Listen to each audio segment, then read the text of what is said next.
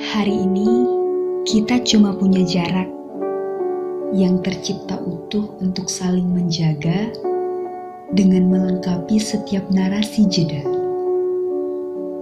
Ada banyak alasan untuk kita berdiam, menahan rindu salah satunya.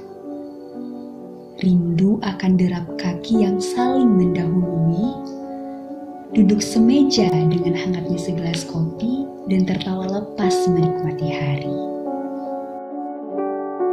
Kita cuma punya jarak yang membuat kita bertahan untuk tetap ada dan melindungi mereka yang kita cinta.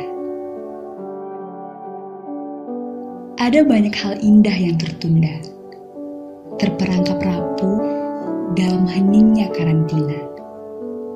Berkawankan waktu menemui ragu tanpa tahu arah mana yang kita tuju.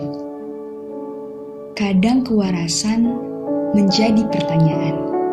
Sudah sejauh apa kita menunggu pembebasan yang sampai saat ini terus didambakan?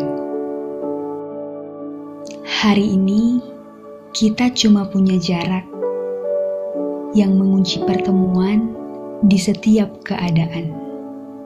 Namun saling bertukar pesan, menjaga keakraban. Sesekali kita akan sadar betapa beruntungnya diri kita yang dilengkapi kecukupan tanpa harus bersusah payah berjuang melawan arah. Karena apa yang kita hadapi sekarang akan menguatkan kita di masa depan.